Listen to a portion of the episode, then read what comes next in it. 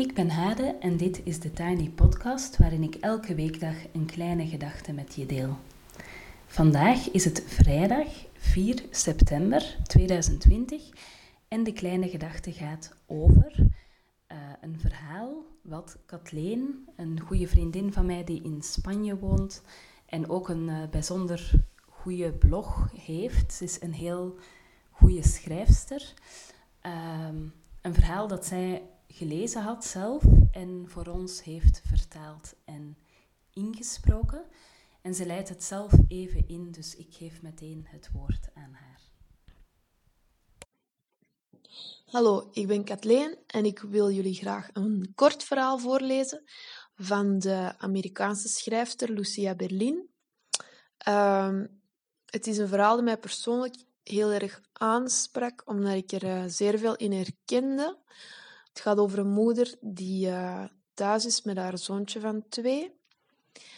Um, ja, je moet maar luisteren dan, ja. hoe dat het gaat of wat er gebeurt.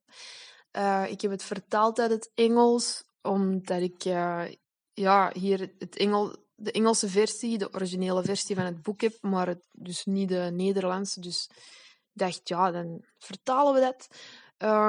Dus een kleine noot bij de vertaling. Ik hoop dat ik haar recht heb gedaan, dat weet ik niet. Uh, maar in het verhaal komt er uh, ergens het woord postman, dus het gaat over de postbode ook die ze tegenkomt. En uh, dus de vrouw zelf gebruikt het woord postman en haar man verbetert haar en hij zegt mailman. En um, ja, dus dan moest ik een manier vinden om dat te vertalen maar een synoniem voor postbode, ja, dan moest ik ofwel facteur ofwel brievenbesteller gebruiken. Dus ik heb gekozen voor facteur, omdat dat iets is dat wij in Vlaanderen, ja, nu dat weet ik niet, maar vroeger zeiden wij dat wel. Dus um, ik laat de vrouw aan facteur zeggen, zodat er een man haar kan verbeteren met postbode. Enfin, dus dat. Um, ja, en dan ga ik het, uh, ga ik het nu voorlezen.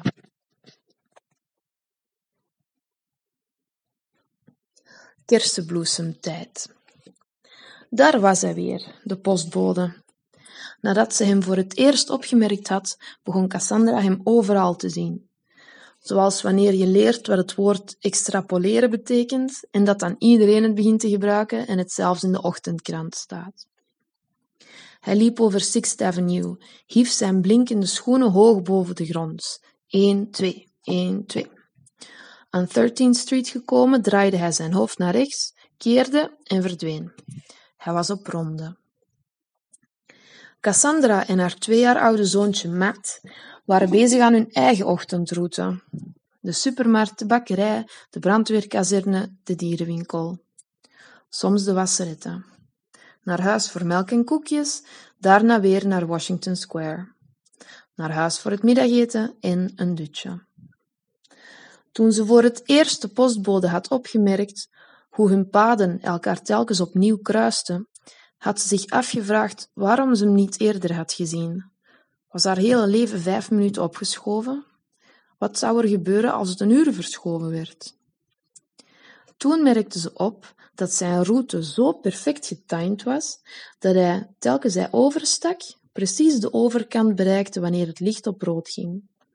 Hij week nooit af van zijn pad, zelfs de zeldzame aardigheidjes waren verantwoord en voorspelbaar. Toen bedacht ze zich dat die van haar en Matt dat ook waren. Om negen uur bijvoorbeeld hief een brandweerman Matt op de brandweerwagen of zette zijn helm op Matts hoofd. Om kwart over tien vroeg de bakker Matt hoe het vandaag met zijn grote man gesteld was en gaf hem een havermoutkoekje of de andere bakker groette Cassandra met dagschoonheid en gaf het koekje aan haar. Wanneer ze dan in Greenwich Street weer naar buiten stapte, was daar de postbode, die net het zebrapad opliep. Het is begrijpelijk, zei ze tot zichzelf. Kinderen hebben een ritme nodig, een routine. Matt was zo jong hij hield van hun wandelingen, hun tijd in het park, maar tegen één uur begon hij kregelig te worden, had hij zijn middagmaal nodig en een dutje.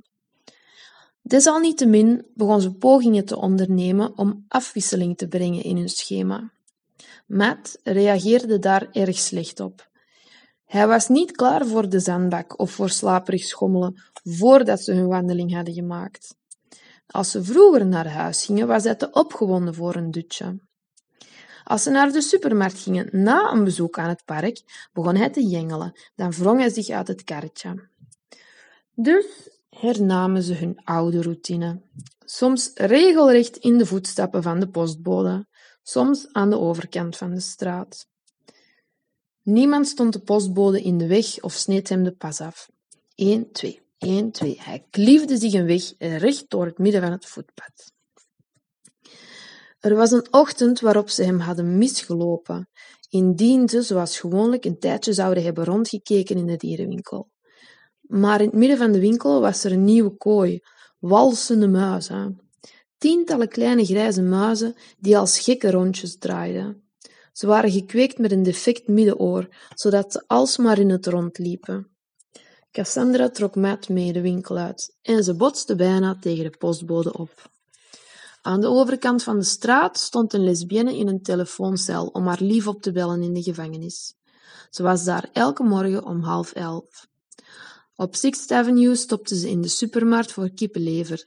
Daarna gingen ze de was ophalen in de wasseretten. Matt droeg de boodschappen, zij duwde het karretje met de was. De postbode sloeg een pas over om het karretje te ontwijken. Cassandra's echtgenoot David kwam thuis om kwart voor zes. Hij belde drie keer aan. Zij en Matt wachten aan de trapleuning en keken toe hoe hij 1, 2, 3, 4 verdiepingen naar boven klom. Hallo, hallo, hallo. Dan omhelsden ze elkaar en kwam hij naar binnen. Hij ging aan de keukentafel zitten met Matt op schoot en trok zijn das los. Hoe was het? vroeg zij dan. Zoals altijd, antwoordde hij. Of erger. Hij was een schrijver, had bijna zijn eerste roman af. Hij haatte zijn job bij de uitgeverij. Er bleef geen tijd of energie over voor zijn boek. Het spijt me, David, zei ze dan en schonk hem beiden iets te drinken in. Hoe was jouw dag? Goed, we zijn naar het park geweest. Fijn. Matt heeft een dutje gedaan. Ik heb Gide gelezen. Probeerde Gide te lezen. Normaal gezien las ze Thomas Hardy. Er is een facteur. Postbode.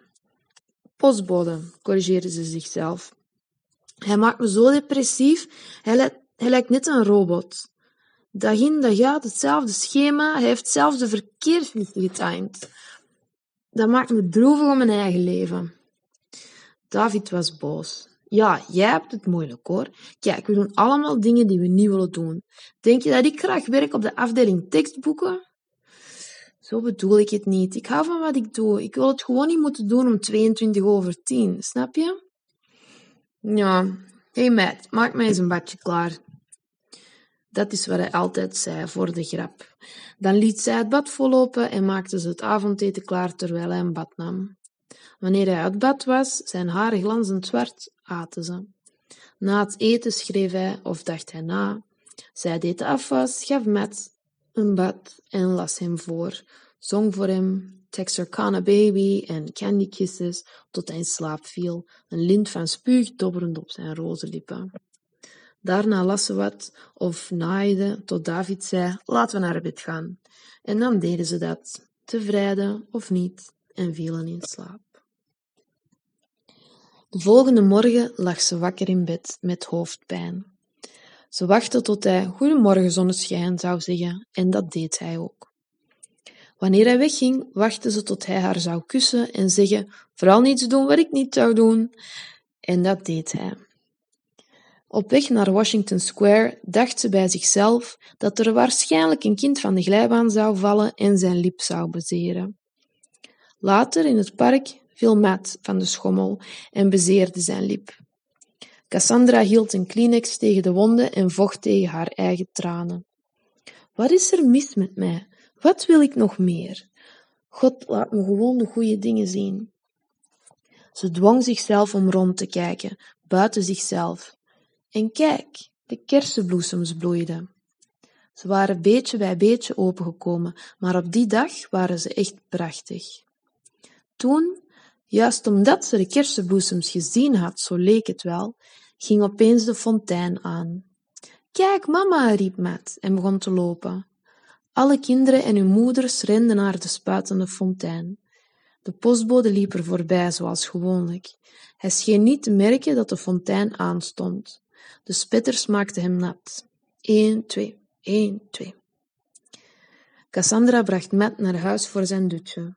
Soms liep zij ook, maar meestal naaide ze of werkte ze wat in de keuken. Ze hield van dit slaperige moment, wanneer de kat geeuwde en buiten bussen langs reden, wanneer telefoons rinkelden en bleven rinkelen. De naaimachine klonk als vliegen in de zomer. Maar die namiddag weerkaatste de zon op het groen van het fornuis en de naald brak in de, in de machine. Van op straat kwam het geluid van remmen, schrapen. Zilver kletterde op het droogrek, een mes kraste tegen het emaai. Cassandra sneed peterselie. 1, 2, 1, 2. Matt werd wakker. Ze waste zijn gezicht, was voorzichtig met de lip. Ze dronk milkshakes en met snorren van chocolade wachtte ze op Davids thuiskomst, op het driemaal rinkelen van de bel. Ze wou dat ze hem kon zeggen hoe slecht ze zich voelde, maar hij was degene die het moeilijk had, die zo hard moest werken, die geen tijd had voor zijn boek. Dus toen hij haar vroeg hoe haar dag geweest was, zei ze, het was een prachtige dag. De kerselaars staan in bloei en ze hebben een fontein aangezet. Het is lente. Fijn, David glimlachte. De facteur is nat geworden, zei ze. De postbode. De postbode. Vandaag gaan we niet naar de winkel, zei Cassandra tegen Matt. Ze bakte koekjes van pindakaas en hij duwde elk koekje plat met een vork. Zo. Zij maakte broodjes klaar en melk, legde dekens en een kussen in het karretje van het wasgoed. Ze gingen een volledig nieuwe weg op, liepen Fifth Avenue af tot Washington Square. Het was fijn om de triomfboog te zien, als een kader om de bomen en de fontein. Zij en Matt speelden met de bal, hij speelde op de glijbaan in de zandbak. Om één uur spreidden ze het deken voor een picknick. Ze aten broodjes, boden hun koekjes aan voor bijgangers aan. Na de lunch wilde hij aanvankelijk niet slapen, zelfs niet met zijn eigen dekentje en kussen, maar ze zong voor hem. She's my Texas kind of baby, and I love her like a doll. Her ma, she comes from Texas, and her pa from Arkansas. Opnieuw en opnieuw, tot Matt uiteindelijk in slaap viel. En zij ook. Sliepen lang. Toen ze wakker werd, schrok ze even, omdat het eerste wat ze zag kersenbloesems waren, met daarachter de blauwe lucht. Ze zongen op weg naar huis en stopten aan de wasseretten om hun was op te halen. Toen ze naar buiten kwam met de zware kar vol wasgoed, was Cassandra verbaasd om de postbode te zien. Ze hadden hem van de hele dag niet gezien. Lui volgden ze hem in zijn spoor naar de rand van het voetpad. Toen liet ze het karretje los. Ze liet het over het voetpad zwaar in zijn hielen zeilen. Het sloeg zo hard tegen een van zijn voeten dat hij zijn schoen verloor. Hij keek naar haar om met haat in de ogen, knielde neer om de veter los te maken en deed zijn schoen weer aan. Zij haalde het karretje en hij begon de straat over te steken. Maar hij was te laat. Het licht sprong op rood toen hij halverwege was. Een bestelwagen kwam de hoek om en miste de postbode op een haar na. De remmen piepten. De postbode verstijfde van angst, liep toen naar de overkant en, vervolgde zijn weg al rennend. Cassandra en Matt gingen recht naar 14th Street en dan langs achteren om naar hun flat. Het was een totaal nieuwe andere weg om naar huis te gaan. David belde aan om kwart voor zes. Hallo, hallo, hallo. Hoe was die dag? Hetzelfde als altijd. En de jouwe? Matt en Cassandra praten door elkaar heen terwijl ze hem over hun dag vertelden, over hun picknick. Het was prachtig. We hebben onder de kersenbloesems geslapen. Fijn, David glimlachte. Zij lachte ook. Op de terugweg heb ik de facteur vermoord. De postbode, zei David, terwijl hij zijn, zijn das losmaakte. David, alsjeblieft, praat met mij. Tot zover voor vandaag. Um, dit was de 101ste Tiny Podcast. Um, ik wens jullie een heel fijn weekend. Je kan me volgen op Instagram, TheTinyPodcast.